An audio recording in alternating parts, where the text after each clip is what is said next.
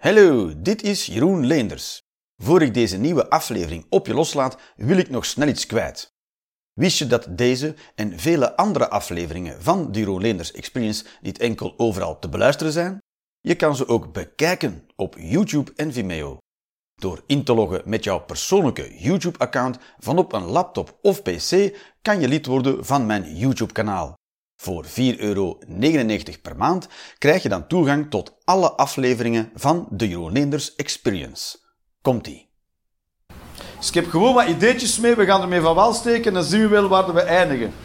Denk je daarvan? Ik vraag niet echt... Soms vraag ik... Het zijn retorische vragen eigenlijk. Zal ik beginnen? Dat is toch raar hè, om te vragen. Dat is waar hè. Ah. Ik ben, eh, naar, ik ben naar Tsjechië geweest op twee weken. Met mijn kinderen en mijn vriendin zijn we gaan kamperen in Tsjechië. En dan zou je denken, hé, waarom Tsjechië? Precies daarom. Niemand gaat naar Tsjechië. Wie is er al in Tsjechië geweest? Kijk, vier... Toch, toch, ja. Bijzonder, ja. En waarom ben je... Wat ging je doen in Tsjechië? Met vrienden. Ah, ging naar Pilsen. Beetje zuipen daar. Wel, wie, ging er, wie ging er niet naar Tsjechië om te drinken? Ook nul handen en zo. Nee, het was toch voor de pils eigenlijk allemaal. Uh, Zo'n bijzondere plek ook. Ja, Tsjechië, de mensen geven er allemaal geen ruk om niks. Dat is onwaarschijnlijk.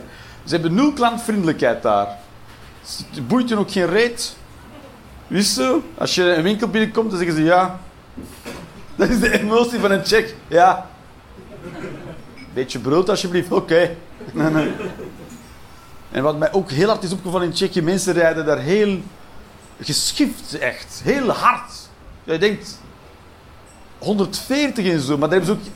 Wat oké zou zijn, mochten ze snelwegen hebben, maar dat hebben ze dus helemaal niet. Je moet echt door alle dorpen. Dat is zoals vroeger hier. Als je vroeger van Rotterdam naar Dordrecht ging, dan, dan moest je elk dorp opzommen waar je naar langs ging. En dan moest je zo door. En dat is in Tsjechië is dat nog steeds zo. En daar hadden de mensen alsof ze dringend ergens moeten zijn. Terwijl, ja, het is Tsjechië, ja. Waar moet je dringend zijn in Tsjechië? Nergens. Er is daar niks te doen in Tsjechië. Dat is waar, we hebben 11 miljoen inwoners. En 1,5 miljoen mensen wonen in Praag. 10% van de bevolking woont in Praag. Niemand onder de indruk. Dat zou wel zeggen dat als je... Dat voor Nederland zouden er 2 miljoen mensen in Amsterdam moeten wonen. Dat is Deventer.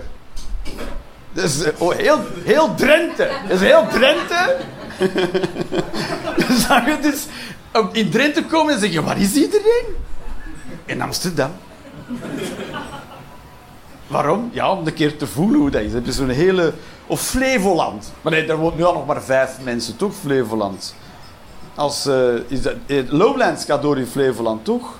Dat is het, drukst bewoonde moment van Flevoland. Lowlands, denk ik. Dus ik was ook Tsjechisch uh, beginnen leren voor ik vertrok. Ik denk, ik ga toch, als ik naar Tsjechië ga, ook een beetje Tsjechisch leren.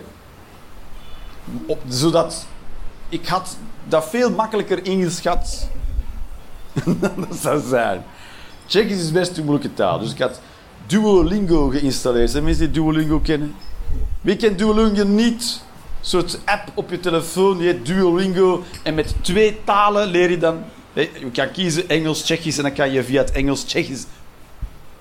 De naam, Duolingo. Dus ik had de hele tijd... Uh, Tsjechisch was ook Duolingo aan het spelen. En uh, nu is ook, mijn kinderen zijn ook in het Engels aan het doen en zo. En het is, ze leren gewoon woordjes en zinnen bouwen, maar op zich boeit het Duolingo niet wat de zin betekent. En dat, dat, dat is zo, is zoveel mee mogelijk en er wordt zo weinig mee gedaan in Duolingo. Ik weet zeker dat het zo is, omdat laatst had ik een mannenstem en hij moest hij vertalen en, die, en die, die stem die zei... Nobody knows that I am your mother. dus wist ik, ja, met Duolingo kijken ze niet naar de inhoud. Dus dan dacht ik, dat, dat kan beter toch? My father was fucking the dog in the kitchen. En dan moet je dat zo vertalen. Zo heel veel mensen uit. Toch? I hope Putin wins the war. En dan moet je zo...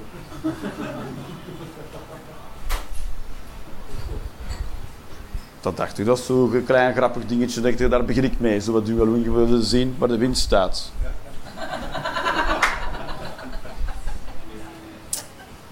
Ik heb laatst geleden, ik was naar een, eh, naar een documentaire aan het kijken. Dat ging over de onderaannemers, of hoe noem je dat, die met de, in de transportsector werken. Dus allemaal mensen die met witte busjes rondrijden. Tegenwoordig is dat zo, dat zijn niet meer de transportbedrijven zelf die mensen inhuren, maar ze neuken kansarme mensen met een vals soort namaakcontract van zelfstandigheid. Ken je het concept een beetje?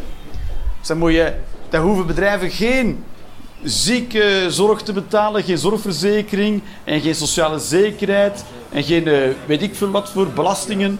En dan kunnen ze andere mensen het werk laten doen voor de helft van het geld.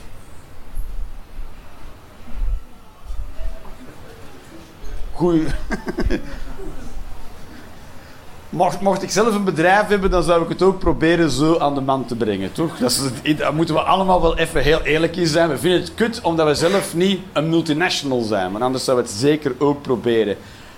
Dus die mensen die krijgen veel te weinig tijd om hun pakjes te bezorgen en ze worden betaald per pakje. En dan moet het pakje ook bezorgd worden. Dus als je niet thuis bent, dan ben je eigenlijk de bezorger aan het naaien. Dat is wat je doet. Door niet thuis te zijn op je werk. Dus die mensen moeten eigenlijk heel veel pakjes doen om hun loon te verdienen. En dan verdienen ze eigenlijk nog steeds niet je loon. Maar dan krijg je dus, wat je dus nu krijgt, is allemaal kansarme mensen in witte bestelwagens die tegen de, reis, tegen de tijd aan het reizen zijn. Een soort een bom die op een bepaald moment toch gaat ontploffen. Of ben ik nu de enige die daar zo van wakker ligt? Als ik wit busje zie komen, denk ik van, ga maar uit de weg. Want die persoon, ja, die heeft er geen zin in, laat dat duidelijk zijn. Die, wil... Uh... En het zijn mensen die geen keuzes hebben, dus die gaan... Ja. En ik weet niet of er mensen zijn die ooit met een busje gereden hebben. Dat is als je daarmee rijdt, dan voel je al... Uh, dat kan omvallen. Makkelijker dan een auto. Om een auto op zijn kant te krijgen, moet je echt al... Ja, creatief zijn. Maar een busje hoef je gewoon maar te hard aan je stuur te draaien. En dan... Uh... Ik heb het heel erg warm. is het ook? Is het warm? Hoe warm is het? Heel warm. Die hittegolf, ik kwam helemaal terug. Ik kwam terug van vakantie en het was hier 36 graden. Fucking waanzin, want ik woon in Eindhoven. Dat had ik al gezegd. Was daar 6 6 Waarom? Ik ben niet tegen global warming, maar niet op deze manier. Het is ook gewoon, je kan eerst naartoe met die hitte. En dan hangt ook nog een beetje vocht in de lucht. Dat was niet te doen. Ik, je stond gewoon te zweten. Dat is wat ik aan het doen was. Drie dagen lang zo, ah, zweet. Zo, wakker worden. Oh, ik kapot. Dat is waar. En toen heb ik dus ontdekt, ik was mijn was aan het ophangen binnen, want daar was het warmer dan buiten. Dus ik had die was opgehangen op zijn droogrek in mijn woonkamer. En op een moment ga ik de was afhalen, want ik ben een moderne man. Ik hang hem niet alleen op, ik uh, haal ze er ook af. Dat is, volgens, dat is, moet van mijn religie. En, en ik stond dus met mijn voeten onder het droogrek, zeg maar. En toen voelde ik op mijn blote voeten dat die vloer daar kouder was dan de rest van de vloer. Dun, dun, dun. En toen ben ik dan gaan opzoeken of dat er nu ik ben die, die helemaal spoort, of dat mijn voet, wat mijn voet voelt, waar is. En dat heet dus een adiabatische koeling. Dus de, het vocht in de was onttrekt warmte aan de omgeving om te kunnen verdampen. Nu, klinkt dat natuurlijk alsof het vocht dat bewust besloten heeft, zoals ik het nu uitleg, Hey, zullen we een keer gaan verdampen, jongens, of hoe zit het? Kom, trek die warmte binnen. Het is gewoon iets natuurkundig. Dus, dus, de- en, en daardoor wordt dus de vloer onder de was kouder dan de rest van de... v- Dit- Overal zo. het is toch een, wat zeg je? Overal zo. Dat is overal... Ja, dat is niet alleen in Eindhoven. Dat is een natuurkundig feit op heel de planeet. Ik weet niet hoe dat zit in het, eh, in het ruimtestation, dat weet ik niet. Ik weet niet of dat je daar was kan ophangen. Dat, zeker met wasknijpers, dat moet wel, anders zweeft alles nat. Dat is niet te doen. Ik denk niet dat dat mag in het eh, ruimtestation, je was zomaar ergens laten slingeren. Dat moet ook raar zijn, dan moet je toch...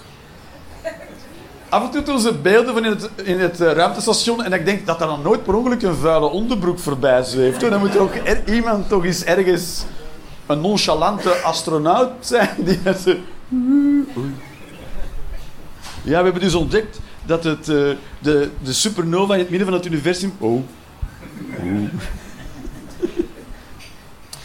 Dus, eh, ja, dus dat is overal op de planeet zo, dat kan ik u verzekeren. Dus, eh, dus dat is toch een lifehack van je welste? Of ben ik nu de... Ik ben, jullie zijn ook niet onder de indruk, toch? Niemand die zegt, godverdomme.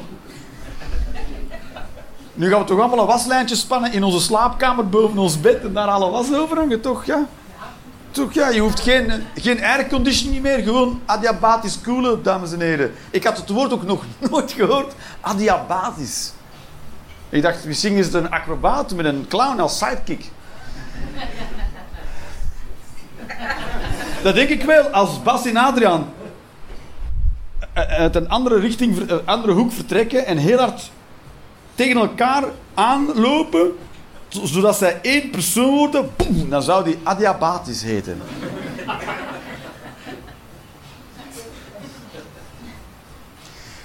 Ja, dat kan niet altijd waar je naartoe wilt met improvisatie. Je weet niet, hè. gebeurt het dus. En, dus, ah, ja, dus dat is live. Dus we gaan allemaal was ophangen en dan hoeven we geen airco meer te kopen. Het enige nadeel is, de lucht wordt er wel heel erg vochtig van. Dus dan ga je alsnog zweten. Ah. Dan moet je dat opvangen en in, dan ga je zweethanddoeken boven je bed hangen. Dat lijkt me- In een regenton, de zweetton, zoals het dat dan. Dan ga je dat allemaal uitwringen, zeg maar. Wat zeg je? Ja, dan komen we nog, dan komen we nog smeken om jouw zweet. Ja, ja, nu, nu, dat is waar, ja, nu, nu zit ik jou weer een beetje af te branden. Wacht maar, Jeroen, wacht maar. Binnen dit en twintig jaar betaalde jij daar goed geld voor, voor mijn zweet. Mag ik nog wat adiabatisch zweet, alsjeblieft? En dan kunnen we ook in de winter, op de, op, als we op de bus zitten, kunnen we het vocht zo van de raam vegen en dan op, voor, in de zomer we gaan, we gaan condens smokkelen. Dat worden we condenssmokkelaars. En dan moet je zo langs de douane. En dan, eh, als je dan zo'n eh, plastic parka aan hebt of zo, of een anorak, hoe heet dat? Dan moet je zien dat je niet s'nachts ergens in slaap bent gevallen met wat dauwdruppels op de binnenkant van je jas, want dan kan je daarvoor gearresteerd worden. Dat is een condenssmokkelaar, zeggen ze dan. Ik heb het te ver genomen nu, mensen.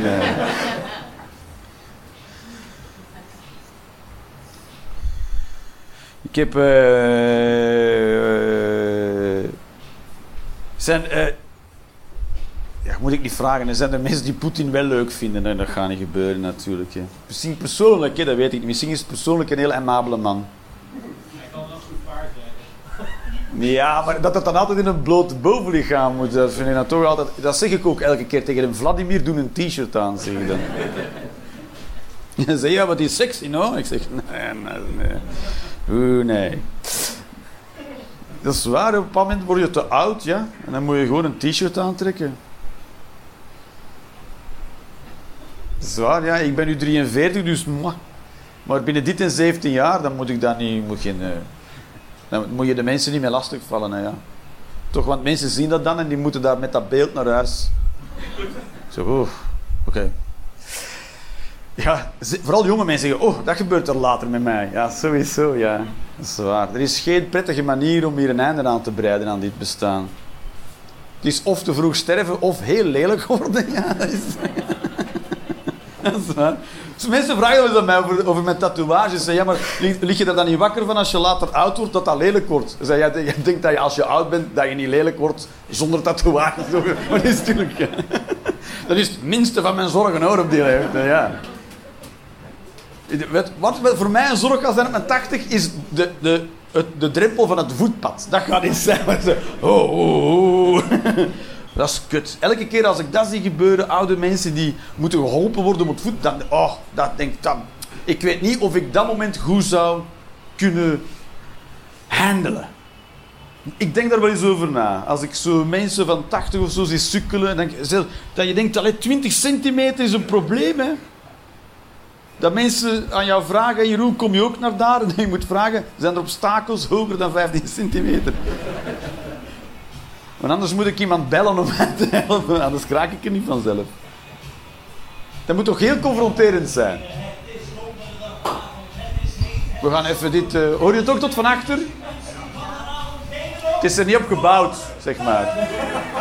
Wordt-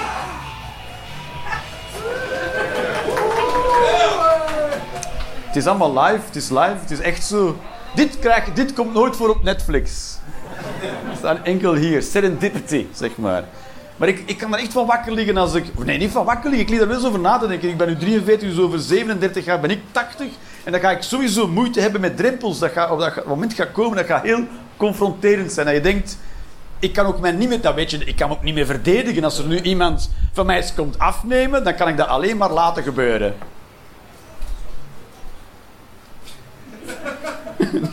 Is er geen, is er niemand die daar... Ik, ben, ik kan daar nee. Stel, je- stel je 80 bent en er komt iemand, die komt naar jouw broekzak en die doet dit en haalt je portefeuille eruit. En wat ga je doen? Wat ga je doen als je 82 bent? Dus, dat- dus ja, dan sta je daar.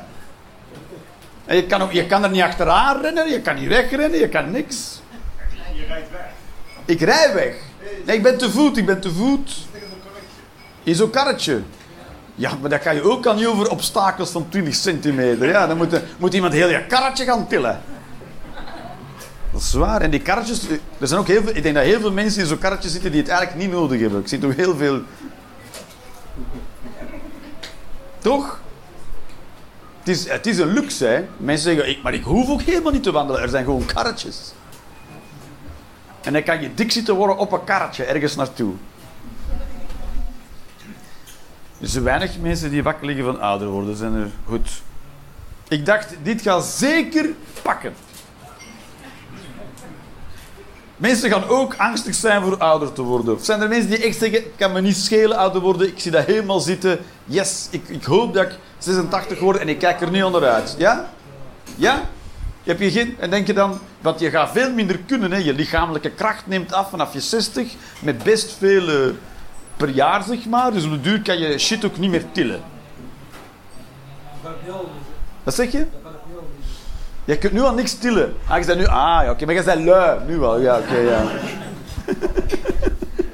Dan word je een oud, lui iemand, zeg maar.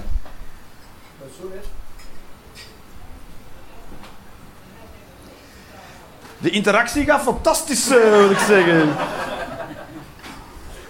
Maar hoe was ik daar nu opgekomen eigenlijk? Geen idee. De, de Oekraïne, dan weet je wat dat gebeurd is, neem ik aan, toch? Wat is er met Oekraïne misschien? Is het iets met de zonnebloemen, Jeroen? Geen idee. Wie, wie, had dat, wie had dat gedacht? Zeg, zonnebloemen. Zonnebloemen is echt een, een, eh, een gewas. Ik was niet onnozel doen. Ik was niet de enige die onder de indruk was dat zonnebloemen zo'n gigantische markt was, toch? Dus dat je boer wordt en dan zeg wat ga je zitten? Zonnebloemen. En niet voor de mooie, nee, gewoon vierkante kilometers. Dat het ook niet meer bijzonder is. Oh, allemaal zonnebloemen. Ah, fuck it. Ja. Oh, ja. Fucking kut zonnebloemen, ja. Dat is alles waar je veel van hebt, wordt kut. Zwaar, als je kinderen hebt, dat is leuk. Totdat je er twintig hebt, dan denk je, ja. Als er eens eentje ontbreekt, dat vind je ook niet erg. Ga je, die ga je op den duur, hoe meer kinderen dat je hebt, hoe minder dat je die gaat opvoeden. Ja, dat is zo. Ja, dat, ja, dat komt wel goed. Ik denk dat het met geld ook zo werkt. Als je meer en meer geld hebt, denk je, ja, het zal, ja, daar wordt er niet meer bijzonder van. Hè. Ik weet niet, zijn er dingen, zijn er heel rijke mensen die heel veel... Ik heb van niks heb ik veel. Ik heb zelfs geen volledig gezelschap. Ik heb één gaan met te weinig blokjes. Ik heb één gaan een even aantal blokjes. Dat komt nooit uit, omdat het drie blokjes per laag zijn voor de kenners.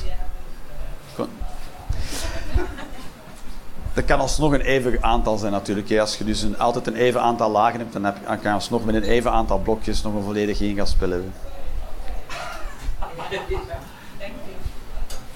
Graag gedaan. Maar eh, de, de, de propaganda in Rusland van eh, Poetin vertelt tegen de mensen in Rusland dat wat hij aan het doen is een hele goede. Het is geen oorlog, het is een. eh, wat is het? Operatie. Een operatie is het, heel goed. Militair ook. Een militaire operatie, heel juist. Om de nazi's uit Oekraïne te verdrijven. Voilà. Daar moeten wij nog vaak mee lachen, denk ik. Met, eh, het, met die propaganda. En daar wordt heel vaak luidop over nagedacht toch. Hoe kan dat dat al die Russen dat zomaar geloven? Hè? Dat heel veel, want er zijn best veel Russen die dat een prima idee vinden en ook geloven dat dat echt waar is. En daar wordt dat toch in de media heel vaak over gedaan als iets heel bijzonders. Van hoe kunnen die mensen dat nu geloven? Maar als je in Rusland wordt, woont, dan is het vrij normaal. Omdat, want dat is wat, wat Poetin doet, is gaslighting. En als je gaslighting niet kent, dat is een van de meest, de, de meest verwrongen psychische martelingen die je iemand kan aandoen. Dat is gaslighting. Het zijn de mensen die niet weten wat gaslighting is. De mensen die niet weten wat het is. Gaslighting komt van de film Gaslight. Daar komt het van. Ja. Geen verrassingen daar. En dat is een hele oude film. Dat is een, een zwart-wit film of een wit-zwart film. Een grijze film. En, en in die film is er een man en die probeert zijn vrouw gek te laten verklaren omdat zij heel rijk is. En, en hij wil dat geld van die familie. Dus hij woont met, samen met zijn vrouw in het huis. En dat is nog, en dat is een hele oude film, dus dat is nog een verlichting op gas in het huis. En wat die man doet, is af en toe draait hij aan de hoofdgaskraan, s'nachts als alle lampen branden, dan draait hij aan die hoofdaansluiting van de gas en dan gaan alle lampen een beetje knipperen. En dan, komt dan gaat hij terug naar, naar, naar de woonkamer of whatever en daar is zijn vrouw en die vrouw zegt, ik denk dat er iets is met de gas, want de lichten waren aan het knipperen. En die man zegt gewoon, ah, ik heb daar niks van gemerkt, dat zal misschien alleen in deze kamer geweest. Nou, dat is toch een beetje van het domme. En hij blijft dat doen. Af en toe gaat hij aan die, aan die kraan zo wat morrelen en dan komt er terug zijn vrouw tegen. Dus op de duur wordt dat een heel, dat wordt een heel ding. Hè. Die vrouw zegt, ja, maar die lichten knipperen. En man zegt, ja, ik zie dat nooit niet. Misschien is dat iets dat in je hoofd, ja, misschien denk je dat die knipperen. En zo krijgt hem die langzaamaan helemaal gek. En dat is gaslighting. En dat is echt een term in de psychologie, dat als je een verhaal blijft herhalen aan iemand, totdat hij op de duur aan zijn eigen werkelijkheid begint te twijfelen. Dat is gaslighting. En daar moet je dus gigantische tijd voor nemen. En dat gebeurt op heel subtiele manieren. Zoals, je noemt het geen oorlog, je noemt het een militaire operatie. Je zegt dat er ineens nazi's zijn in een land, terwijl er zijn helemaal geen nazi's in een land. Maar als je dat lang genoeg blijft zeggen, dan, gaan op de muur mensen denken, ja, er zullen dan wel nazi's zijn, zeker. Waar rook is, is vuur. Dus dat is wat Poetin de hele tijd zo'n klein beetje aan het doen is. Zijn gaslighting, narcistisch stuk stront. Een beetje zoals Rutte, maar, maar dan met een leger. Ik denk dat dat het grootste verschil is. Want we moeten ook niet denken dat Poetin een al te bijzonder persoon is. Dat is een gewone mens zoals u en ik. We mogen die niet te bijzonder maken. Want als we die bijzonder gaan maken, dan gaan we denken dat wat hij aan het doen is heel uitzonderlijk is. En dat is het niet. Wat hij doet, gebeurt de hele tijd. Het is wat reclame doet. Het is wat de media doet. Media doet het de hele tijd. Als ze het hebben over een, een golf aan migranten of een tsunami aan migranten die over Europa gaat spoelen, dan zijn zij ook aan het gaslighten. We hebben gewoon geluk dat de meeste gaslighters geen heel leger hebben. Dat is het enige aan ons. Soms kom je iemand tegen en denk, kom je iemand tegen dat je denkt van, ah, maar jij bent echt eh, fucking lul, joh. Gelukkig heb jij geen hele oude tanks en raketten. Dat is ons enige voordeel, dat, dat hij ook geen spullen heeft. Of hele oude spullen. Zo. spullen waarvan je denkt... Volgens mij worden die niet meer gebouwd. eh. Toch als een soort... eh, ik weet niet, alsof je nu zou komen met een soort telefoon met een draad aan. En je zegt, waarom zou je daarmee bellen? LP-plaat. Een LP-plaat? Een LP is een plaat. Nee. Dat wordt, maar dat is dan terug retro natuurlijk. Je moet echt met zout aankomen. Een soort... eh, Had ik het maar voorbereid, hè, dat ik nu voorbeelden om het... eh. Alright. Ik heb ook één dingetje wat beter voor... Nee, één, één onderwerp werk ik altijd een beetje uit. Dan, wordt het, dan dreigt het altijd een beetje filosofisch te worden. Zijn we daar een beetje klaar voor, denk je? Top. Maar ik heb... ik heb, ik heb gisteren... Gisteren een klein opzetje gedaan en zo. Omdat abortus wordt nu over heel de wereld een beetje teruggedraaid. Ik heb er nu... Ik heb nu veel... Ik heb een soort sfeer gecreëerd hier zo. Ja, zo is het. Toch, ja. Komen er nog eh, dingen, een soort actualiteiten, een soort opsomming. Jeroen, zitten we nog op? Is het een opsomming, Jeroen, van dingen? Ja, het is misschien een beetje een opsomming. Ik heb er een opsomming van gemaakt, ja. Dat kan, hè, dat je ineens iets aan het doen bent en denkt van, godverdomme, hè. Maar dat is zo'n heel stuk in de Bijbel. Een heel stuk in de Bijbel is ook gewoon een opsomming van namen. Ik weet niet, wie heeft in de Bijbel ooit allemaal gelezen? Ik heb de Bijbel, helemaal de Bijbel... Nee? Niemand? Helemaal? De Bijbel. Ja, helemaal. helemaal van, van pagina 1 tot 1000, nee, 2000, 1200 nog zo watjes. Maar, wat zeg je? Ik was helemaal niet dronken. Ik, had, ik, was, ik was taxichauffeur, dus ik had heel veel tijd. Dat is waar, ja. Als taxichauffeur moet je veel niks doen. En dat is het allermoeilijkste dat je kan doen als mens. Dat is helemaal niks. Als ze tegen jou zeggen... Blijf hier... Oké. en wat moet ik nu doen? En dan ga je de Bijbel lezen. Gewoon omdat je ik had alles al gelezen. En ja, dan ga ik dat maar lezen. En dan heb je zo'n heel hoofdstuk. Hoofdstuk, dat is een lang, hè, die hoofdstukken. En die heet Nomen. En daar staan gewoon alle namen opgenoemd. Dat zijn de afstammelingen van Adam en... Eh, van eh, Kain en Abel. Je hebt de Koran gelezen. De Koran heb ik ook gelezen. Ja, ik, heb, ik had heel veel tijd. ik moest even wachten. Heb ik ook gelezen. De Koran, ik heb alle. En eh, de, de Torah heb ik ook gelezen. Dat is het eerste deel van de Bijbel, zeg maar. De eerste, de Pentateuch is eigenlijk de Torah. Ben je religieus? Helemaal niet, maar... Heel veel mensen zijn tegen religie. Dus ik dacht, ik ga eerst die boeken lezen. En nu, en nu weet ik waarom dat je er tegen kan zijn. Maar de meeste mensen hebben geen idee wat er allemaal in staat.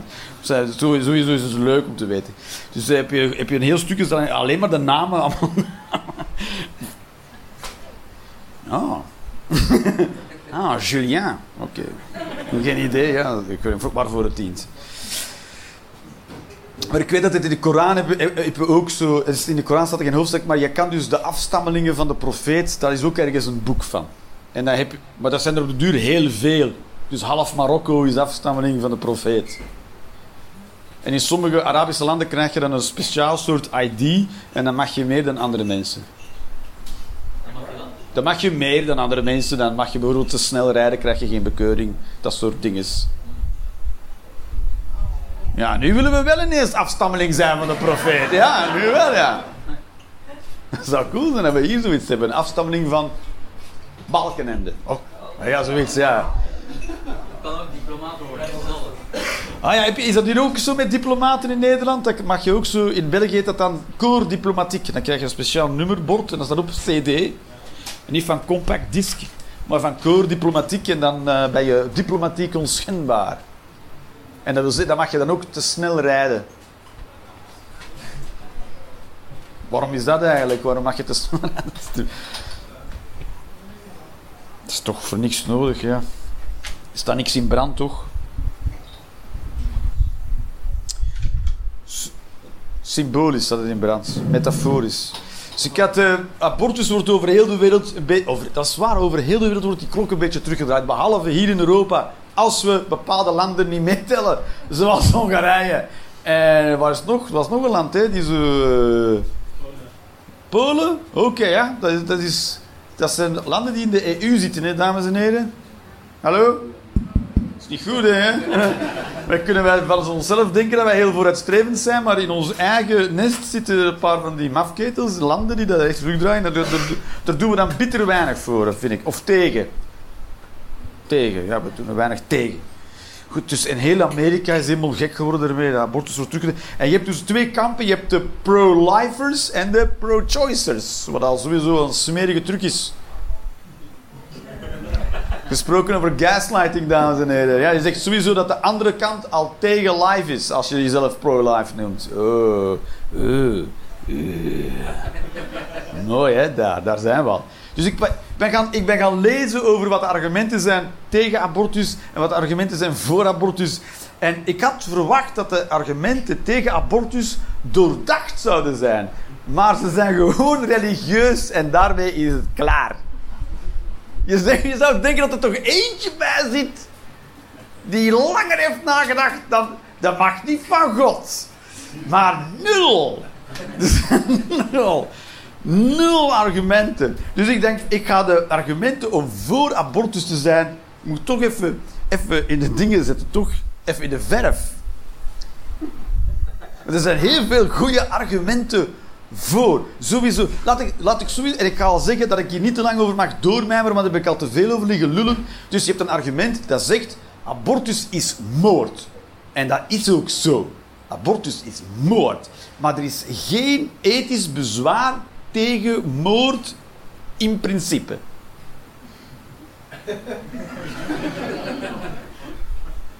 Sommige mensen zeggen, moord mag niet. Maar dat zijn mensen die zich niet goed verdiept hebben hoe een samenleving werkt. Want moord mag hier wel. Voilà.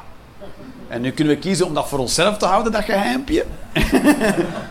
dat is zo. Moord is zeker toegestaan. Hè. We hebben bijvoorbeeld een, uh, we hebben we hebben een leger. Dat zijn soldaten, dat zijn mensen die, als het puntje bepaald komt, betaald worden om moorden te plegen. Dat is ook moord, hè? Dat is niet... Nee, dat is iets anders. Dat zijn slachtoffers. Nee, nee, nee. Dat is ook moord. Dat is betaalde moord. Niet heel, niet heel goed betaald, maar wel betaald. Dat is ook moord. Politieagenten mogen ook moorden. Niet zo, maar niet heel veel. En ze moeten het wel heel goed kunnen vertellen. Maar echt een goede uitleg hebben. En jij mag ook een moord uh, plegen als je een goed verhaal hebt. Dus je, je pleegt een moord en dan word je aangehouden of je geeft jezelf aan en dan kom je voor bij de rechter. En als je dan echt een heel goed verhaal heeft, dan zegt de rechter, ja, dat snap ik wel. maar je moet echt een goed verhaal hebben. Hè? En dan mag dat. Moord mag, ja. Er is, geen er is geen, op zich geen bezwaar tegen moord in de... Hoe zeg je dat? Aan zich. Aan zich. Klinkt een beetje... Oeh, goed. Dus moord mag. En ik vind ook bijvoorbeeld, alle vlees dat we eten, vind ik ook moord. Dat is ook een moord. Je bent een levend iets aan het vermoorden. Voilà. Maar zoals ik net al zei, ik heb geen bezwaar tegen moord. Daarom eet ik ook vlees. Dan eet ik vlees, zegt iemand, je weet hoe dat dat moord is? Ik zeg, ja, lekker toch. Maar de, het, het, meest bijzondere aan de mensen die tegen abortus zijn, die zeggen dat het, uh, dat het uh, leven is. En het is tegen leven, dus je mag leven niet vernietigen. En het, het meest opvallende eraan vind ik dat zij het fysieke, het lichamelijke, als hoogste goed of als enige goed, dat is het enige dat wordt meegeteld in de morele overweging om tegen abortus te zijn, is het doden van een lichaam. Dat mag niet. Alsof dat het de enige is, maatstaf, om een om een leven aan af te meten. Of ben ik nu de enige die dat een beetje raar vindt? Je, zijn, je hebt het psychologisch welbevinden, je hebt een sociale kader, je hebt een, een maatschappelijk kader. Het zijn allemaal kaders die meetellen om af te meten of een, wat een leven is. Maar uitgerekend religieuze mensen zeggen: nee, nee, alleen het lichamelijke telt. Terwijl zij, zij zijn juist tegen het lichamelijke. Het vlees is zwak. Ah, dat is bijzonder toch? Een beetje van het ene been op het andere been huppelen. Het lichaam is niet belangrijk, maar dat is het enige dat je niet mag dooddoen. Ah, dat is raar toch? Ik vind het een beetje bijzonder. Het is zwaar. En, en het zijn vooral vrouwen die getroffen worden. Nee, het zijn alleen vrouwen die getroffen worden. Zo, dus ik vind als je geen baarmoeder hebt, moet je sowieso je bek al houden, toch? Dan mag je, als je geen baarmoeder hebt, moet je zo... "Ah, Blijf. Zwaar, maar ik ben wel voor. Maar zo klinkt het ook. Het klinkt alsof als je voor abortus bent, dat je... Dat is hoe ze het laten klinken, alsof je iedereen wil gaan aborteren of zo. Een soort, soort eh, weet ik veel wat, baseball bat door een zee van zwangere vrouwen ligt te meppen. Dat is toch niet... Het is ook niet dat we zeggen dat het is verplicht. Hè. Als je kind hebt, moet je laten aborteren. Wat is dat? Vuile hoer? Nee, dat is toch niet waar? Dat is toch niet wat we zeggen zijn, ja? Dat is een raar idee. Dus af en toe is er iemand die haar zwangerschap wil beëindigen. En daar waarschijnlijk ook lang over nagedacht. En ook, het is ook niet leuk, hè. Dat is ook zoiets zo aan die mensen. De abortus is niet iets dat iemand doet uit verveling. Zo, wat gaan we doen? Eh, gaan, we op de, op de Nintendo of gaan we naar abortus? Wat? Nee. Dat is iets waar je heel lang over nadenkt. En dat niet leuk is. Is of met een pil en dan wordt de vrucht afgedreven. Dat is zo wat chemicaliën in je lichaam. Dat is sowieso geen pretje. Of een curettage. Curettage is een stofzuiger in je lichaamsholte. Dat is wat een curettage is. Dat is helemaal niet leuk. Ze zuigen dat eruit met een soort stofzuigertje. Is dat voor iemand nieuws? Ja, dat is, dat is, eh, dat is niet prettig.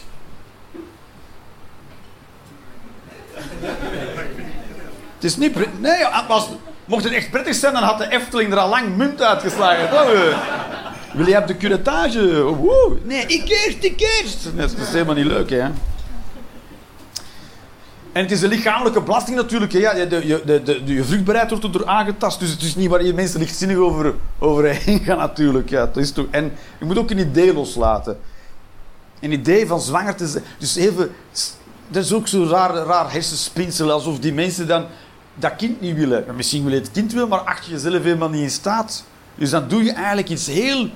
Iets tegen je zin doe je omdat je denkt dat dat beter is om te doen. Dan maakt het juist super ethisch verantwoord. Wat zeg je? Barmhartig, ja. Je doet iets, eigenlijk iets, iets dat je helemaal niet wilt doen, want je vindt het heel erg om te doen. En toch doe je het omdat je vindt dat je het moet doen. Ja, dat is, je kunt niet meer kloten aan je lijf hebben dan zo'n beslissing nemen, toch? Ik vind mensen die tegen abortus zijn een beetje, een mietjes. Ervan. Niemand doet dat voor de lol, hè. Misschien één. Misschien... Misschien heb je één, één maffe chick ergens die daar niks leuker vindt dan abortussen. En zich laat vol blaffen om naar een abortuskliniek te kunnen gaan. En nee, dat is hier hebben ze al. Zeg, ja, jongen, jongen, jongen. Wat is er mis met dat wijf? Ja? En die, die vindt dat tof. Maar ja, moeten voor die ene maffe Suzanne heel de wereld lam leggen in keuzes. Nee, toch, ja. Daarbij, als er iemand is die dat voor de lol doet, aan een geluk dat ze doet. Want stel dat je haar kind bent. Ja. Wie is jouw moeder eigenlijk? Ja, hier, eh, Zotte Suzanne eh, heeft... Ja, mij, te laat. Ja. Zo moet je, moet je met zo'n moeder omgaan die echt elke, elke maand met iemand anders zich te neuken. Gewoon speciaal voor zich zwanger te kunnen laten maken. Oh, dat, oh. Zwaar, hè. waar is je moeder? Was ze niet bij het oudercontact? Bij de ouderen? Nee, ze lag wel in... eh, ja, dat eh, met een leeggezogen baarmoeder, ja. Ze hangt er al af uit, maar ja. Maar ja, moeten we... Is het dan die die ze voor de, voor de over ogen hebben, denk ik dan? Het, het pro-life kant. Is dat wat je wil? Nee, er zijn ook nog shades of grey. het is ook... Het is ook... eh, het is ook... Er is ook geen nuance in het anti-abortuskamp. Want ze zeggen, je mag nooit iemand vermoorden. Ze zeggen, ze, abortus is altijd verkeerd. Maar als je, te maken, als je in een gesprek bent met iemand die de woorden nooit, altijd, iedereen, niemand, niks, alles gebruikt, dan weet je, ik ben waarschijnlijk aan het praten met een borderliner.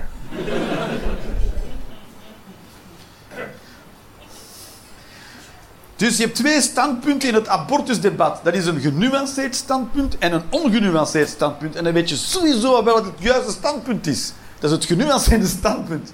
Mag je een baby in de baarmoeder vermoorden? Je hebt te zeggen, zeggen nee! Je hebt te zeggen ja! Oh, en wat je ook een kamp dat zegt, ja, maar het hangt een beetje vanaf.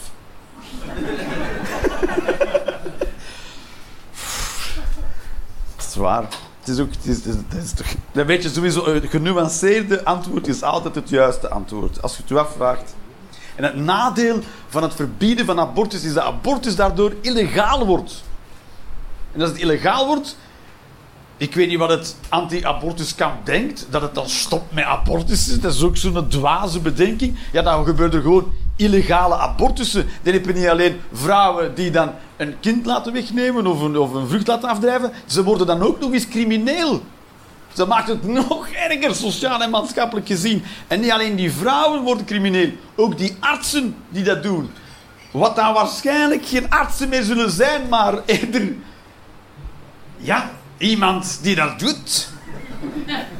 Want het is idioot te denken dat abortussen dan niet meer gaan gebeuren. Ze gaan dan nog steeds gebeuren, maar clandestien. En dan kan je zeggen, ja, maar clandestien, dat mag niet. Ja, maar er mag zoveel niet. Ooit was het katholieke geloof clandestien. Goed, duizend jaar geleden moest je geen gelovige zijn. We moesten geen christen zijn. Want dan werd je bijvoorbeeld in twee gezaagd. Soms heb je van die prettige tekeningen, zo in inkt nog zo helemaal zo. Wat ze dan deed met de christenvervolging, dat waren de meest originele straffen dat je kon zo, Met een zaag zo. Ik weet ook niet waarom. Ik denk dat er toch af en toe gewoon een paar sociopaten rondliepen. Die dan zeggen: Woehoe, mag ik? je mag, die mensen mag je kapot maken. Woehoe! En dan. Soms moet je roeien met de riemen die je hebt. Dan gaan die kapot. Heb je iets? Enkel een zaag. Oké. Dus dan krijg je geen arts niet meer mee doen, maar mensen die dat... Dan krijg je dus mensen die abortus gaan uitvoeren, zoals je in, in Indië. Als je in Indië bent en je wil naar de tandarts gaan en je hebt niet veel geld, je bent een Dalit of whatever the fuck, dan moet je dus naar een markt gaan. Een markt. Buiten. Hè? Niet een overdekte markt. Een echte markt met kraampjes. En daar zitten tandartsen. Tandartsen. En die hebben dan uh, dat, die hebben dat beroep geleerd van vader op zoon. Dus dat is hun opleiding. En ze hebben dan zo wat tangen liggen en zo. Ze hebben daar een mooi papier hangen van... Kijk, dit is een tand. En dan mag je... Dus ik weet waar ik mee bezig ben. En dan moet je zo van kraampje naar kraampje gaan. Dan moet je gaan onderhandelen wie de leukste of de goedkoopste tandarts is. Dan krijg je dat soort mensen die gaan abortus plegen.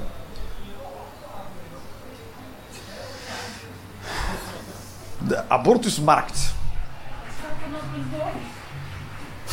dat weet ik niet. Een kind met een kruis door, of zo weet ik veel. en daarboven fuck life. Wat we nu gaan doen, dames en heren, is een kleine pauze doen. En een kwartiertje ongeveer. Ik zeg nu kwartier, maar dat wordt altijd langer, toch? Meestal wel. En dan ga ik, dan ga ik straks de papiertjes komen ophalen als je al een leuke controversieel ding hebt opgeschreven. En dan gaan we na de pauze gaan we dat doen. Tot zo dadelijk. Welkom naar de pauze, dames en heren. Er nog eentje.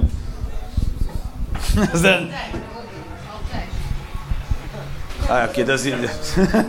ik sta nog steeds verbaasd door het geluid achter mij. Het is... Hey, lijkt wel een soort uh, ballenbad hierachter. Een soort uh, bingoavond. Nummer 27! Dat is waar, dat raar. Als, als uh, heel veel van die, uh, van die gastheren... Is het een kaartje? Is het een mening, denk je? Ja? Mag gewoon afge... The rules are, the are the rules. Ja. Deze, als je aangekondigd wordt door zo'n gastheer, heel veel gastheren denken, als ze dan je naam aankondigen, dat ze dan plots ineens moet beginnen. Niemand weet dan, niemand heeft het dan kunnen verstaan. En is! En welke vond jij leuk? Ik vond dingen leuk. Ah! Denk ik dat hij heet. Yes.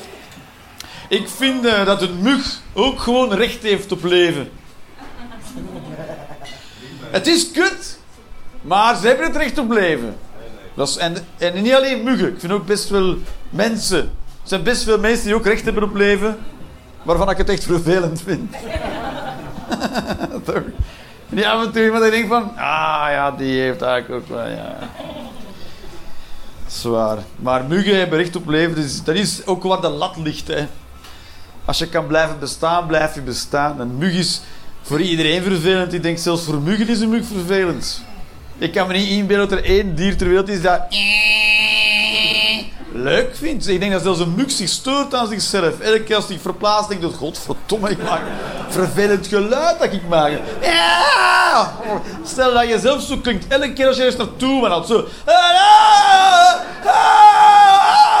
Dan zou je toch denken, ik ga nergens meer naartoe, jongen, laat maar, ja.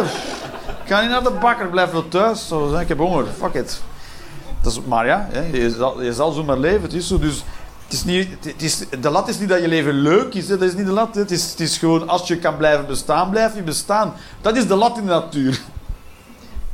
dat is het. Bij heel veel mensen kan ook echt zien, zo, ah, dat is de lat. Soms denk je dat we als mensen die mij zo komen voor voorbijgestoken met de, op, de, om dan vlak voor mij toch nog de afrit te nemen. En ik van, ja, dat is de lat, ja, dat was de lat. Je had dit allemaal gewoon niet kunnen doen door iets vroeger je pedaaltje los te laten. Rustig achter mij, zo, hop, en rustig. Nee, nu weer. Het is een beetje zoals een mug, toch? Gewoon strontvervelend voor iedereen. En ook voor zichzelf, ja, je moet elke keer in die ankers gas geven en, en nog net en aan remmen. Dan kom je toch kapot thuis, joh. Van je werk dat niet belangrijk is. Bij je vrouw die jou niet graag ziet. Wacht, ik ga die een beetje sorteren, hè. Oh, kut. Dat loopt helemaal fout. Mijn meningen lopen fout. Godver.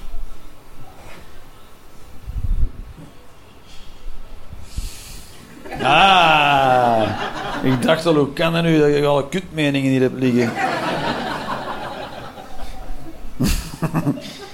Heb verkeerde kaartjes bijgehouden. Het is niet erg, ik doe niet alle meningen. Er zijn, er zijn te veel meningen. Ik vind dat Vlaanderen bij een, eh, Nederland hoort. Toch, we spreken dezelfde taal. Voilà. En... eh en ja, zijn er nog overeenkomsten? Zijn er nog overeenkomsten met Vlamingen? Als Nederlander voel je ergens Vlaams in iets?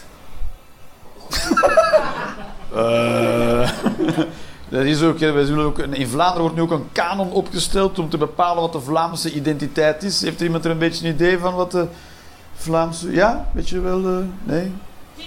Wat zeg je? Friet. Of zoals ze in Amerika zeggen, French fries.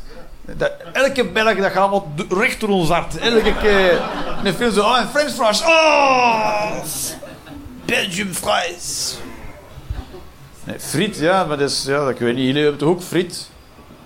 Jullie flikken er wel zoete... Nee, dat is niet waar. Jullie flikken zelfs geen mayonaise op de friet. Jullie hebben een andere naam voor verzonnen. Het is frittensaus. En frittensaus is in België verboten. Want frittensaus is mayonaise met suiker in.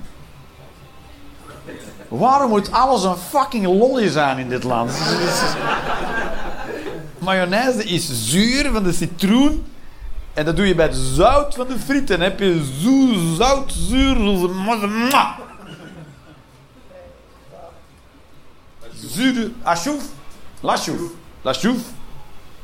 Ah, nu ga jij opsommen. Ja, het is een soort opsomavond geworden.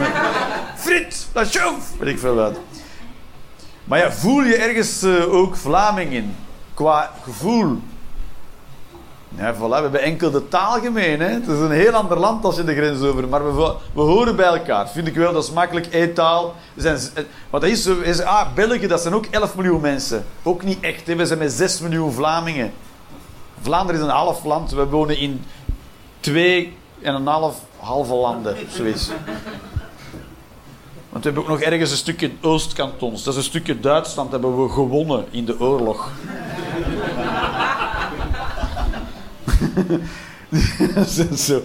Dat was vroeger, hè, na Wereldoorlog in, dat waren de 50s. Hè, zo werd een schuld betaald. Hier, wat land mogen we dan hebben van ons? Dat heeft ook een waarde. En dat waren zo vier gigantische dorpen die dan zo bij ons kwamen. Zo, ja. Wat komen jullie doen? Ja, wij zijn nu van bij jullie. En we hebben er een aparte regering voor opgericht.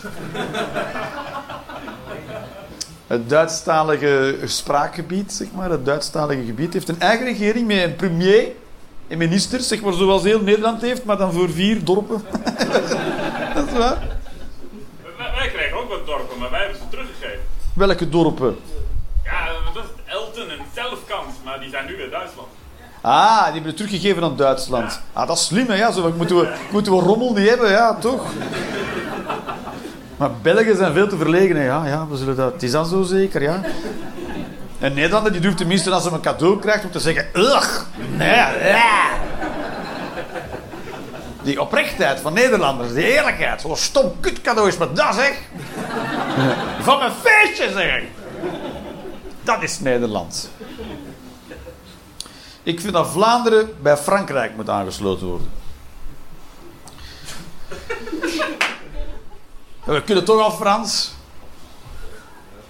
Ja, ik kan denken, Jeroen, maar spreekt jouw vorige mening deze mening niet tegen? En dan? Je kan toch gewoon twee meningen hebben, twee verschillende meningen over één onderwerp. Voilà. Ik vind dus dat Vlaanderen bij Frankrijk. Ik vind dat Vlaanderen bij Nederland en bij Frankrijk aangesloten moeten worden. Dat is eigenlijk wat ik wil. En dat Nederland en Frankrijk daar ruzie over krijgen. Uh, bij wie het, van, dat Nederland zegt, nee, nee, nee, nee, het is van jullie. En dan Frankrijk dan zegt, nee, nee. Uh. Ook zo nergens bij horen. Zo, dat je zo een voetbalploeg moet kiezen op school, weet je nog? En dan mag je twee kapiteins moeten kiezen en dan blijf jij als e- laatste over en dan iemand dan zegt, is goed, ik doe het wel met één speler minder. zo. Maar dan met 6 miljoen Vlamingen. Kijk, ik kan dat hier nu... Wat zeg je? Wie krijgt Wallonië? Wallonië, daar laten we gewoon in de grond zakken. ik weet niet, wie wil er Wallonië? Wie is er... Zijn, er, zijn mensen wel een keer in Wallonië geweest? Huh? Ja? Ik heb vakantie geweest in Dardenne of zo. Voor Tsjechië is dat. Het is een soort Tsjechië. Als ik in Tsjechië rondwandelde, had je ook... Je hebt er niet echt bergen. Hè. De hoogste berg is er 1600 meter of zo. Dat is, dat is, dat is gigantische heuvels zijn het. Tsjechië is letterlijk Wallonië, maar dan veel groter. Een soort... Eigenlijk is Wallonië een schaalmodel van Tsjechië. Zo, en mensen doen ook nul moeite in Wallonië. Zeggen, ja, maar dat kan toch niet aan die mensen liggen. Maar als je in Wallonië geweest bent, dan weet je... Die mensen, het interesseert hun echt niet. Boeien. Dat is zo, ja. Hoe komt dat dat arm is, Wallonië? Omdat de mensen, fuck it. Ja, die denken, het zal wel. Alles werkt maar half in Wallonië, ja. Maar goed, dat zijn niet die individuen, maar dat is de overheid, dat zijn socialisten daar allemaal. Weet je wat dat een beetje is? En heb je niet in Nederland. Ja, de P van de A heb je, maar die zijn nooit echt van betekenis geweest. Misschien in de jaren 60 even. Maar wie weet dat nog, toch? Wie weet nog dat de P van de A echt een grote partij was? Ja, daar, ja, je hebt dat nog geweten, heb je dat nog meegekregen? Mei 68 waarschijnlijk. Nee? Wanneer, eh, wanneer kan je het nog voor de geest halen?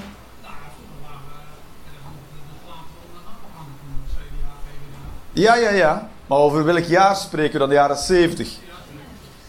Ja, en sindsdien is het dan uh, in de jaren, jaren 80 is naar de kloten gegaan en de liberalen hadden betere ideeën. dat is waar, ja. De liberalen zeiden, maar we hoeven niet arm te zijn. En toen dacht hij, fuck die socialisten, dacht iedereen. dat is waar, dat is waar. Dat is de socialisten nooit meer terug erbovenop gaan komen. Want die, moeten hun, die weigeren hun taal aan te passen. Wij, laten we elkaar helpen, maar dat moet je niet zeggen hè, in een partijprogramma als je de verkiezingen trekt. Moet je zeggen, laten we samen rijk worden. Je moet dat soort leugens verkopen. Niet samen helpen. Niemand zit te wachten op Kumbaya. Zwaar, wie wil er nu elkaar helpen de hele tijd? Dat is de mensen denken, oh nee, ik ga gaan moeten helpen. Oh. Er gaat een soort lijst komen en deze week ben jij aan de beurt. Dat is wat dat gevoel. Als iemand zegt, eh, we gaan allemaal elkaar moeten helpen. Zo, ah, oh, kut. Dan gaat zo'n lijst aan de muur komen, zo'n A4'tje dat na een paar dagen helemaal de kloten is. En dan gaan we een naam met uitgelopen balpen er ergens. En dan word je zo ingeroosterd met iemand die je echt kut vindt. En dan denk je, ah, ah, dat is hoe dat klinkt. Het klinkt helemaal niet sexy, toch elkaar helpen. Ik vind dat er een, een eh, minimumsnelheid moet komen op een fietspad. Dus er is gewoon geen plaats meer voor mensen die zeggen: Oh, ik ga vandaag een keer gezellig met de fiets maar rondfietsen. Nee, je fietst ergens naartoe of blijf thuis. ik heb geen, er is geen tijd voor dat je slintert. Er zijn maar mensen die moeten wel zijn. Dat is waar. Niks vervelender op zo'n fietspad je zo. Lo. Ah, ja, jij hebt geen leven, maar wij wel.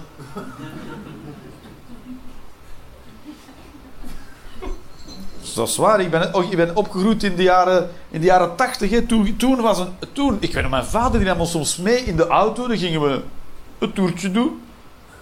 Dan gingen we een toertje doen. Ja, een toertje met de auto. Wat gaan we doen? Een toertje. Gingen we een toertje met de auto. Nu, nu doen enkel Marokkanen dat nog. Maar, maar toen, de- iedereen deed dat toen, ja. Ja, doe het nog? Ja, strontvervelend, stop ermee. Ja, ja, dat is zo, maar die mensen van die, van die tijd, hè, toen kon nog, toen had je nog snelwegen met drie rij... Dat was de eerste snelweg die ze aanlegden, met drie rijvakken. Dan zijn mensen, maar dat gaat het toch nooit nodig hebben. Nu zegt iedereen, drie... ah, drie rijvakken zijn drie te weinig. Dat is wat drie rijvakken zijn. Zwaar, hè? De eerste keer over die nieuwe A2 eh, karde, ik wist niet wat ik zag, is toch een soort zee van asfalt. Niet doen, ja. Ik, ben- ik was echt zes vakken in elke richting dat je denkt, ja, daar, daar kan het toch nooit meer vaststaan. Oh, jawel. Eh dan gaan mensen op het vijfde vak eh 90 rijden. Toch, dat zou, waarom hangt daar niet boven die A2 een soort gigantische magneet? Dan kan je ze toch echt gaan uitvissen. Toch zo, pop, jij niet meer. Nee, dat is toch gewoon nee. Maar waarom? Nee, we gaan het ook niet uitleggen. Gewoon nee. Uitstappen, te voet naar huis. En mijn auto dan? Die auto wordt opgevouwen, dat wordt vernietigd. Is het gedaan ermee? Klaar met rijden. Als je, dat kan toch niet? Dat je daar, dat is, ik kom echt mensen daar dan tegen. En volgens de wet moet je er helemaal naar links. En dan moet je heel, heel, en dan helemaal... Dat doe ik, allemaal, ik doe al die stappen niet. Ik ga gewoon rechts. Joehoe. Je rijdt met de trein, je. Ja, hè, als ze rijden. Als ze rijden wel. Als het niet waait. is waar.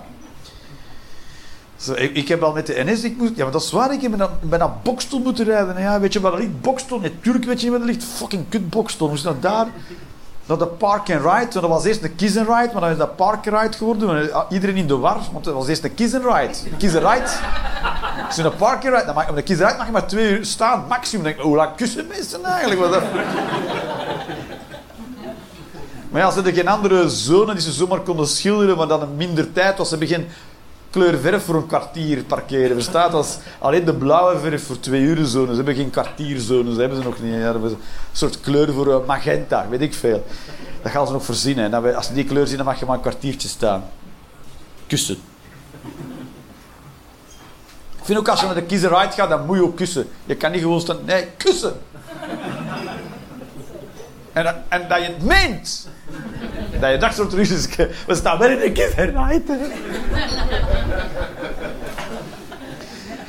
En, eh, ja, dat je zo, ook zo van die, van die zwevers gaat hebben op een kiezerheid. Het is de kiezerheid.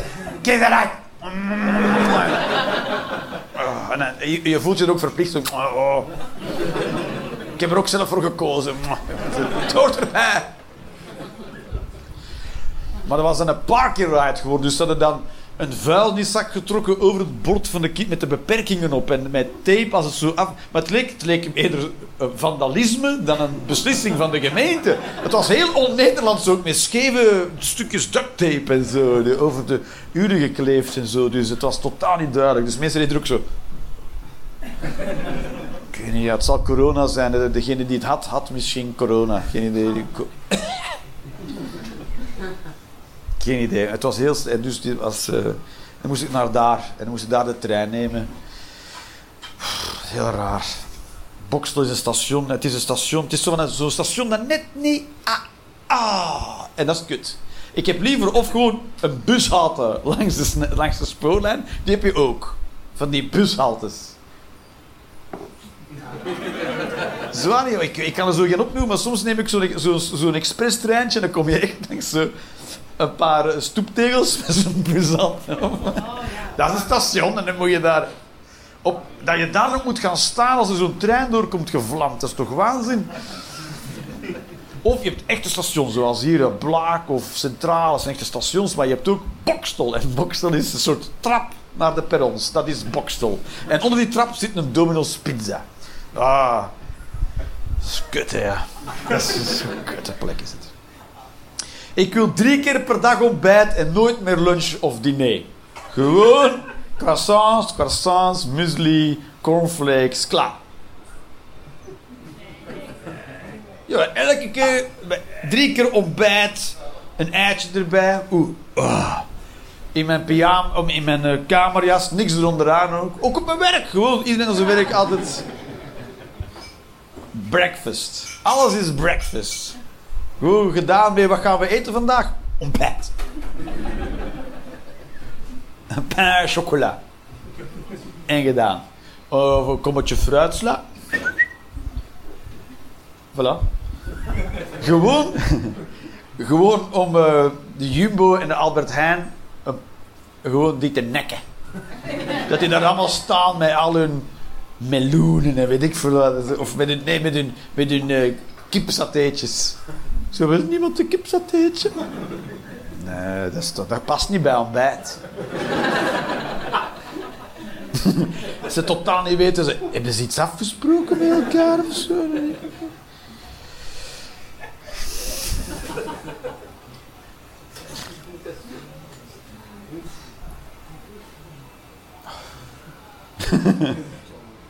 Is het oké? Ja? Ben je, wordt het te warm? Nee, die stoelen zitten niet te makkelijk. Die stoelen zitten niet gemakkelijk. Zijn er kom- klachten over de stoelen? Ja? Er zijn ook mensen die de stoelen niet gemakkelijk vinden? Ik vind het wel lekker. Ja, ja, ja. Je hebt zo'n soort halve, halve zo'n zitbank heb je echt, een soort sofa heb je gekozen. Ja. Maar er zijn ook mensen die last hebben van de stoel. Dan denk je dat het aan je billetjes ligt. Toon een keer je billetjes aan iedereen.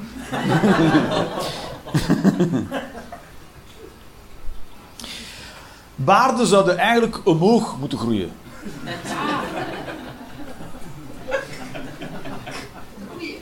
Wat zeg je? Ja, dat is mijn mening, ja. Nou, dan delen wij dezelfde mening. Baarden zou alles, ik vind dat alles van haar omhoog zou moeten groeien.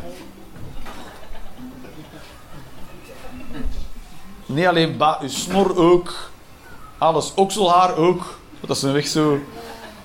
Dat is zo, vind ik maar een gore okselhaar. Wordt neushaar wel een probleem? Nee, dan groeit, dan groeit dat recht in je schedel. Door je hersens. Hij heeft ingegroeid neushaar. Oeh. Dat wordt een hersenoperatie. Hè. Alle haar. Ja, of, of iedereen moet eh, ondersteboven. Dat kan ook. Dan groeien baarden weer wel omhoog natuurlijk. Ze groeien gewoon uit je kin. Dat is wat baarden doen. Als we allemaal op onze handen zouden lopen, dan zouden ze dat allemaal naar boven. Het is niet alsof een baard dan zegt: Oh nee, nee, ik volg de zwaar. Dat heeft. Het is niet zoals bananen, een baard. Versta je? Baarden groeien gewoon uit je gezicht. Dat is zoals een Play-Doh-popje waar je zo op drukt. En dan komt dat. Het is bijzonder. Het is ook andere haar, hè, baard. Dit is niet gewoon haar. Dit is echt een soort staaldraad. Is het. Ik weet niet hoe dat komt, maar op, verschillende plekken van het lichaam anders. Je wil ook niet dit haar op je ballen, toch? Ja, misschien zo als ik er zo mee aai, dan wel, maar... Nee, maar- nee. Nee, dit zou ik niet fijn vinden. Als ik zo met mijn haar een keer over je balletjes wrijf. Dan zou je zeggen, nee, voor mij niet, dankjewel meneer. Ik denk, en als ik daarmee bezig ben, denk je...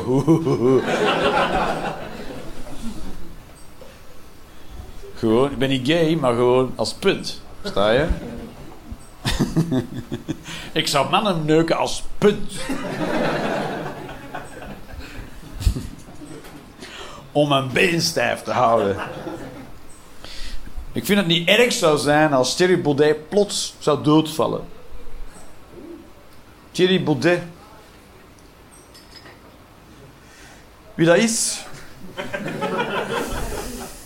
Thierry Baudet kan je vergelijken met... Godverdomme, in Vlaanderen heb je ook zo'n mafketel, hè? Iets van Langehoven. Dries van Langehoven, ja. ja, Wie, wie, zei- wie, wie kwam jij ermee? Ben jij een Vlaming? Nee, nee, maar het, het politiek interesseert me dus ook. Politiek Ja, wie kent nog Dries van Langenhoven? Kent iemand Dries van Langenhoven? Hier kent iemand Dries van Langenhoven? Het is een soort eh, Vlaamse Thierry Baudet. Dus, dus als je denkt... Bestaat er een debiele versie van Thierry Baudet? Dan is het antwoord... Oh, zeker.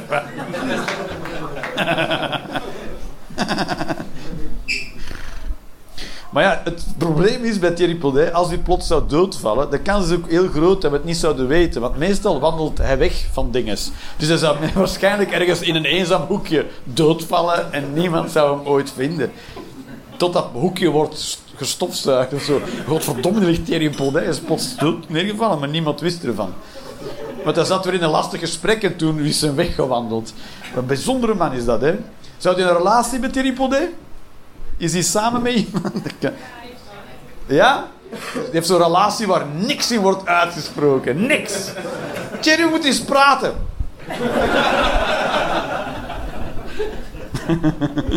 dat is? Ik vind het raar dat zo iemand dan nog stemmen krijgt.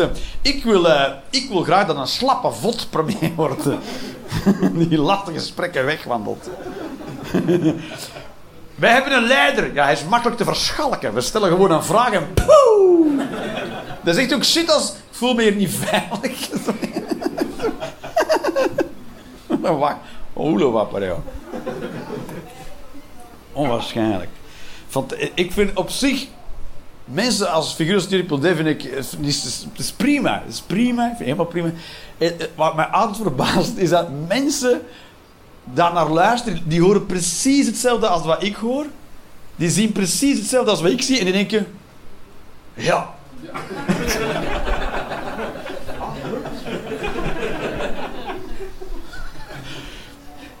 Wat? Ik weet niet wat jij genomen hebt, maar nu wil ik er ook wat van, denk.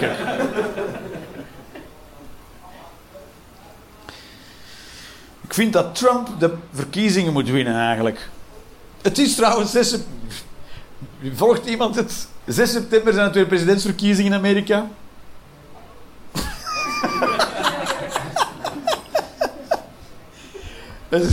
Zo. Het zijn binnenkort weer presidentsverkiezingen in Amerika. En, eh, en het is weinig. Er is 6 september. Is het verkiezingen?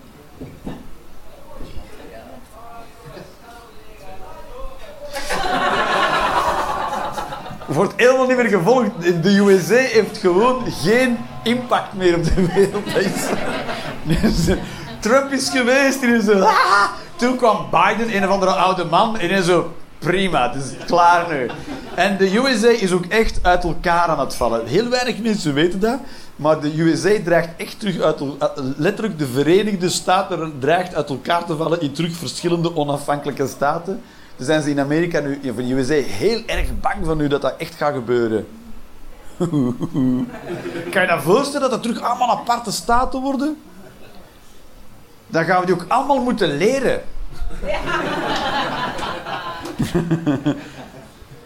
Florida, stad of een staat?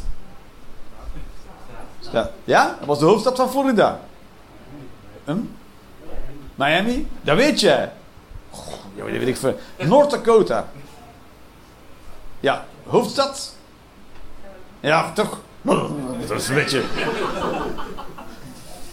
weet van België ook niet. Ja. België heeft toch een hoofdstad. En officieel bestaat België wel op papier. Maar eh, niemand heeft er wat aan. Is ook, Brussel is ook een, een stad met het minste geld. Ik, dat is ook... Brussel... Die zijn trouwens 17 gemeentes. En Brussel heeft 17 burgemeesters. Als je dacht dat je ook alles al wist over België, het wordt nog veel gekker dat jou wilt te dromen. Er zijn 17 burgemeesters in Brussel, 17 politiezones met allemaal 17 verschillende radiofrequenties. Wel! Je moet als boef gewoon zo Molenbeek, hopla! En zo, ja, we zijn hem kwijt. Onwaarschijnlijk. Onwaarschijnlijk. Ze hebben tien jaar geleden... We hebben allemaal tunnels door Brussel... om makkelijker door Brussel te kunnen navigeren met een auto. En die binnenbekleding van die tunnels viel eraf. Ik herhaal, viel eraf. En toen konden ze daar niks mee doen, want dan moet door vier beslissingsslagen om besluiten wat ze ermee gaan doen. Uiteindelijk hebben ze er toch allemaal afgehaald. Dus als je nu de tunnels neemt in Brussel, dan rijdt een soort grottencomplex. Zijn we in de Mergelgrotten van Maastricht of zijn we nog... eh, Is het een spookhuis? Eh, Niks geraakt daar gerepareerd in Brusselse waanzin. Dat is zo. We hebben een, er staat een eh, het justitiepaleis. En het justitiepaleis is nog gebouwd met, dat met geld gestolen van Congolezen. Dat is zo. We hebben ook, ooit een, een kolonie, kolonie gehad, of toch Leopold II. Die koning die had een eigen persoonlijke kolonie. Dat was nog niet van België toen. Hij heeft dat moeten afgeven omdat hij daar het zwijn heeft uitgehangen.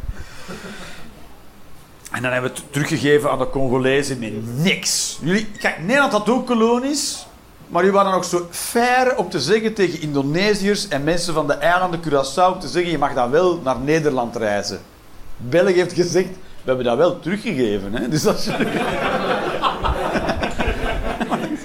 We zijn een bende kans, jongen, dat is niet te doen. Als je als Congolees naar België wilt komen, zeg je nee. Maar we waren vroeger van jullie. Oh, teruggegeven, hè, ja. En dat is, een justitiepaleis, dus, dus dat is gebouwd met allemaal geld gestolen uit Congo, goud en wat is het allemaal uit Congo. En dat staat in de, in de stellingen, want dat moest, eh, moest gerestaureerd worden. Dus ze hebben dat... Ik ga, ik ga, niet, ik ga, ik ga te, het te laag, een te laag cijfer noemen, zodat ik zeker het juiste cijfer noem. Dus ze hebben 40 jaar geleden daar een stelling rondgezet om dat te restaureren.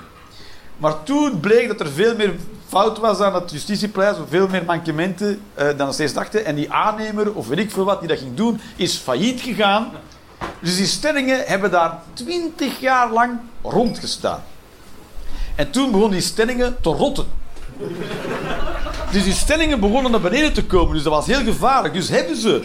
Maar niemand ging dat afbreken. Want ja, degene die daar verantwoordelijk voor was, was failliet gegaan. Dus die kon ze niet wegnemen. Was ook levensgevaarlijk. Daar moest ook een nieuwe openbare aanbesteding voor uitgeschreven worden om dat af te breken. Dat was niet te doen. Dus er was allemaal geen geld voor. Dus hebben ze daar een andere stelling rondgebouwd.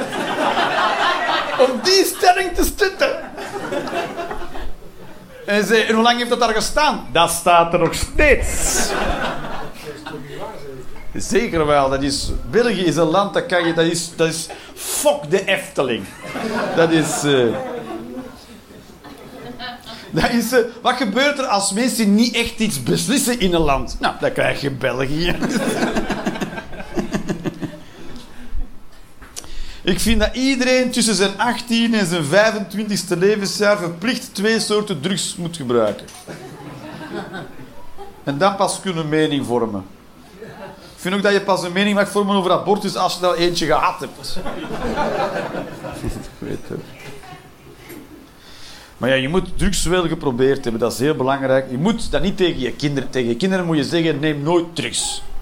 En als je kinderen uit de kamer zijn, moet je zeggen, minstens twee, tussen de 18 en de 50. Zo. Ja, je moet, het, je moet het wel een keer gedaan hebben. Dus wel, je leeft maar één keer, dat is echt waar. Dat weten we, we weten het niet. Misschien leef je nog honderd, maar je weet het maar één. We weten, we weten het maar even. Dus het speelt maar een rol voor één keer. Dus, weet maar één keer. dus je kan toch niet sterven en dat nog nooit gedaan hebben? Je hebt dus mensen die sterven en die hebben nog nooit drugs gedaan. Dan kan je echt oprecht zeggen dat je nog niks gedaan hebt in je leven. Je moet toch ooit eens een keer in een staat van zijn vertoefd hebben. Dat je zegt, ik heb geen, dat kan ik niet eh, op een andere manier eh, doen. Soms heb je wel eens van die mensen die zeggen, ik moet geen drugs nemen, ik kan dat zelf opwekken. Dat zijn mensen die nog geen drugs hebben genomen die dat zeggen. ik heb een keertje zo DMT gerookt. DMT is een soort stof die je aanmaakt als je sterft. En mensen die zeggen dat ze zo een, de film van je leven hebben voorbij zien komen, dat is blijkbaar de stof DMT die vrijkomt in je lichaam op het moment dat je sterft dat doet. Maar dat kan je ook, blijk, ook heel gemakkelijk namaken. Waarschijnlijk gewoon met huistuin en keukenspullen kan je dat zelf maken. Dat wil niet zeggen dat je er dan plots geen kanker van krijgt. Tuurlijk wel.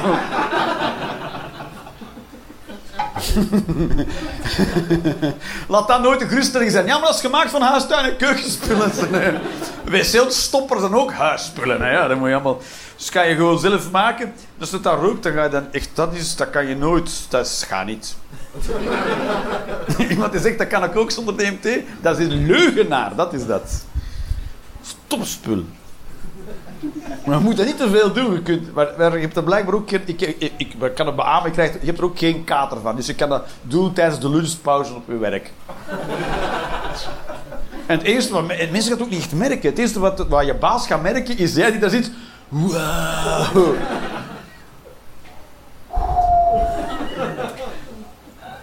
Dus mensen gaan gaan zeggen, hij was een beetje afwezig. Ja, hij was. Maar het is niet dat je in je bloot over de dakrand gaat balanceren of zo.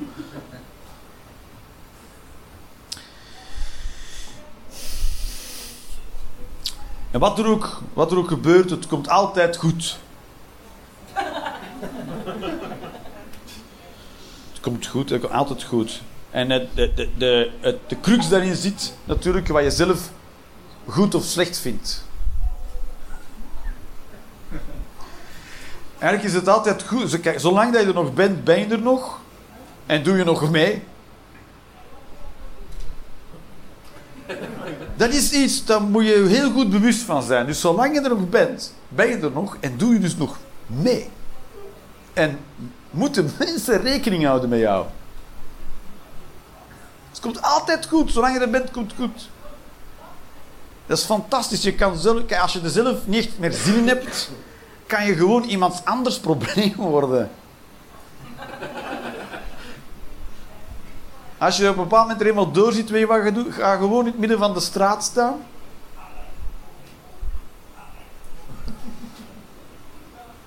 Mensen gaan je niet aanrijden hoor. Daar mag je vanuit gaan. Ik, rij, ik rij ook zo met de auto. Ik, ik rij met de auto met het idee, andere mensen willen hun eigen auto niet stuk rijden. Dat creëert een heel, enorm veel vrijheid. je kunt gewoon een kruispunt opvlammen. Hè. Dat is. Men- Andere mensen remmen wel hoor, dat zijn geen mafketels. Je gaat gewoon in het midden van de straat gaan staan. Mensen stoppen wel hoor. Mensen gaan niet over niet, niet omverrijden uit principe. Dan gaan mensen stoppen. En dan- je moet niet antwoorden. Mensen vragen wat is er aan de hand. Gewoon niks zeggen. Gewoon, gewoon blijven staan. Maar dan bellen ze wel iemand. Ze bellen iemand. En die komt dan over jou beslissen wat er met jou gebeurt. Dat is waar, ja. Dan ben je plots iemand anders zijn probleem. Of haar probleem. Of het probleem. Dat weet ik niet. dus het komt altijd goed. En uiteindelijk eh, ga je dood. En dat is ook een fijn idee. Dat is een fijn idee dat dit wel ooit stopt ook, toch? Je hoeft dit niet te blijven doen. Ook fijn dat Poetin een keer doodgaat. Poetin gaat ooit eens dood, ja. Ja. Of misschien niet. Dat ze gewoon die op tijd vervangen met iemand die er heel erg op lijkt. Dat is het, hè. Als stel dat je niet dood zou gaan, op, op een bepaald moment, dat, dat gaat geen pretje, als jij de enige bent, toch? Stel dat jij de enige bent die niet doodgaat. Dan gaan mensen vragen beginnen stellen. Hè? De, de eerste die vragen stelt, is het pensioenfonds. niet zo. "Eh, dat is niet de bedoeling. en op een bepaald moment gaan ze jou terug gewoon aan, het werk zetten. Hè? Dan zeggen ja, maar kom, je bent dit nu al 327 jaar aan toe. We gaan een andere oplossing moeten bedenken. Dan ga je dus terug moeten eh, een bijscholing vormen om terug eh, in de maatschappij ingeschakeld te worden. En dan, moet je een of andere dwaze job gaan doen die je niet meer begrijpt, want je bent van 300 jaar geleden.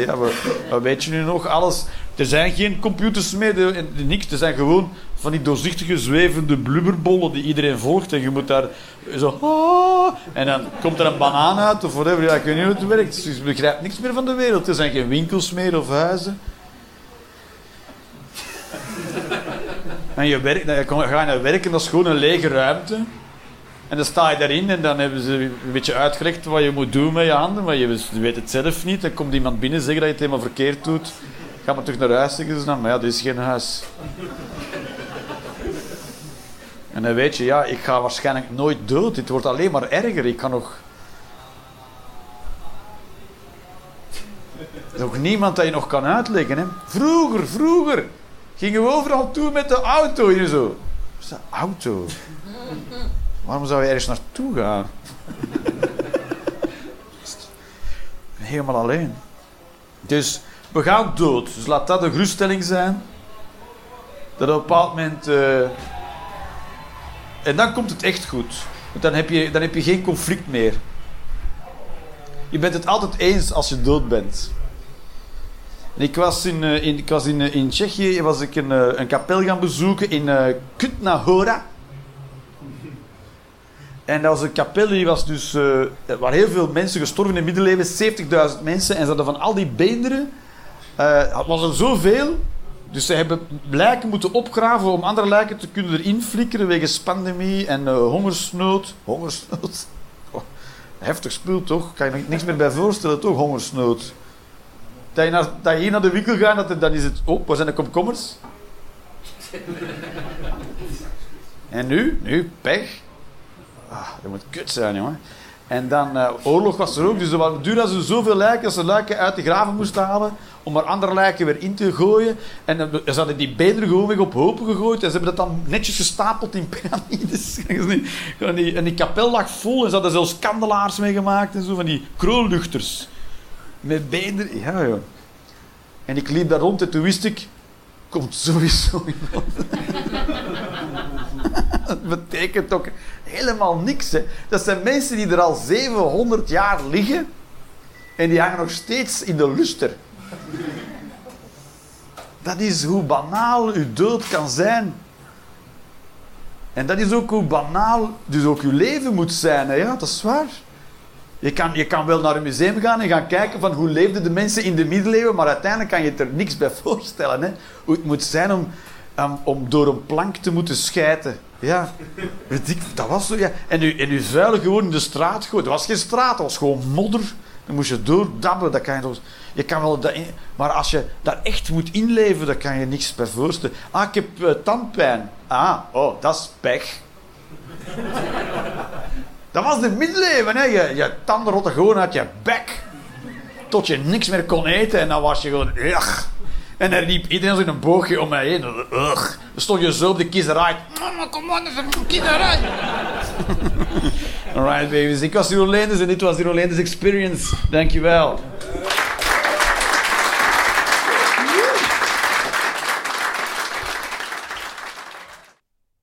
Maak je de Rolanders Experience graag een keertje live mee? Volg dan de link in de beschrijving of de link naar de website voor de volledige speellijst. Ciao en tot snel.